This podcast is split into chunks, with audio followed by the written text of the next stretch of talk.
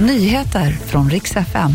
Sunnimuslimska ledare uppmanar till global bojkott av Sverige. Och nu är det dags att registrera sig för elstödet. I februari ser det äntligen ut att komma.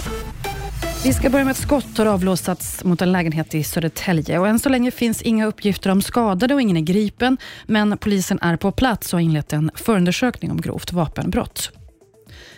Sunniledare uppmanar till global bojkott av Sverige. Det kommer från sunnimuslimernas högsta religiösa institution i Kairo efter att Paludan bränt en koran i helgen i Sverige. Sedan dess har demonstrationer och protester spridit sig till allt fler länder.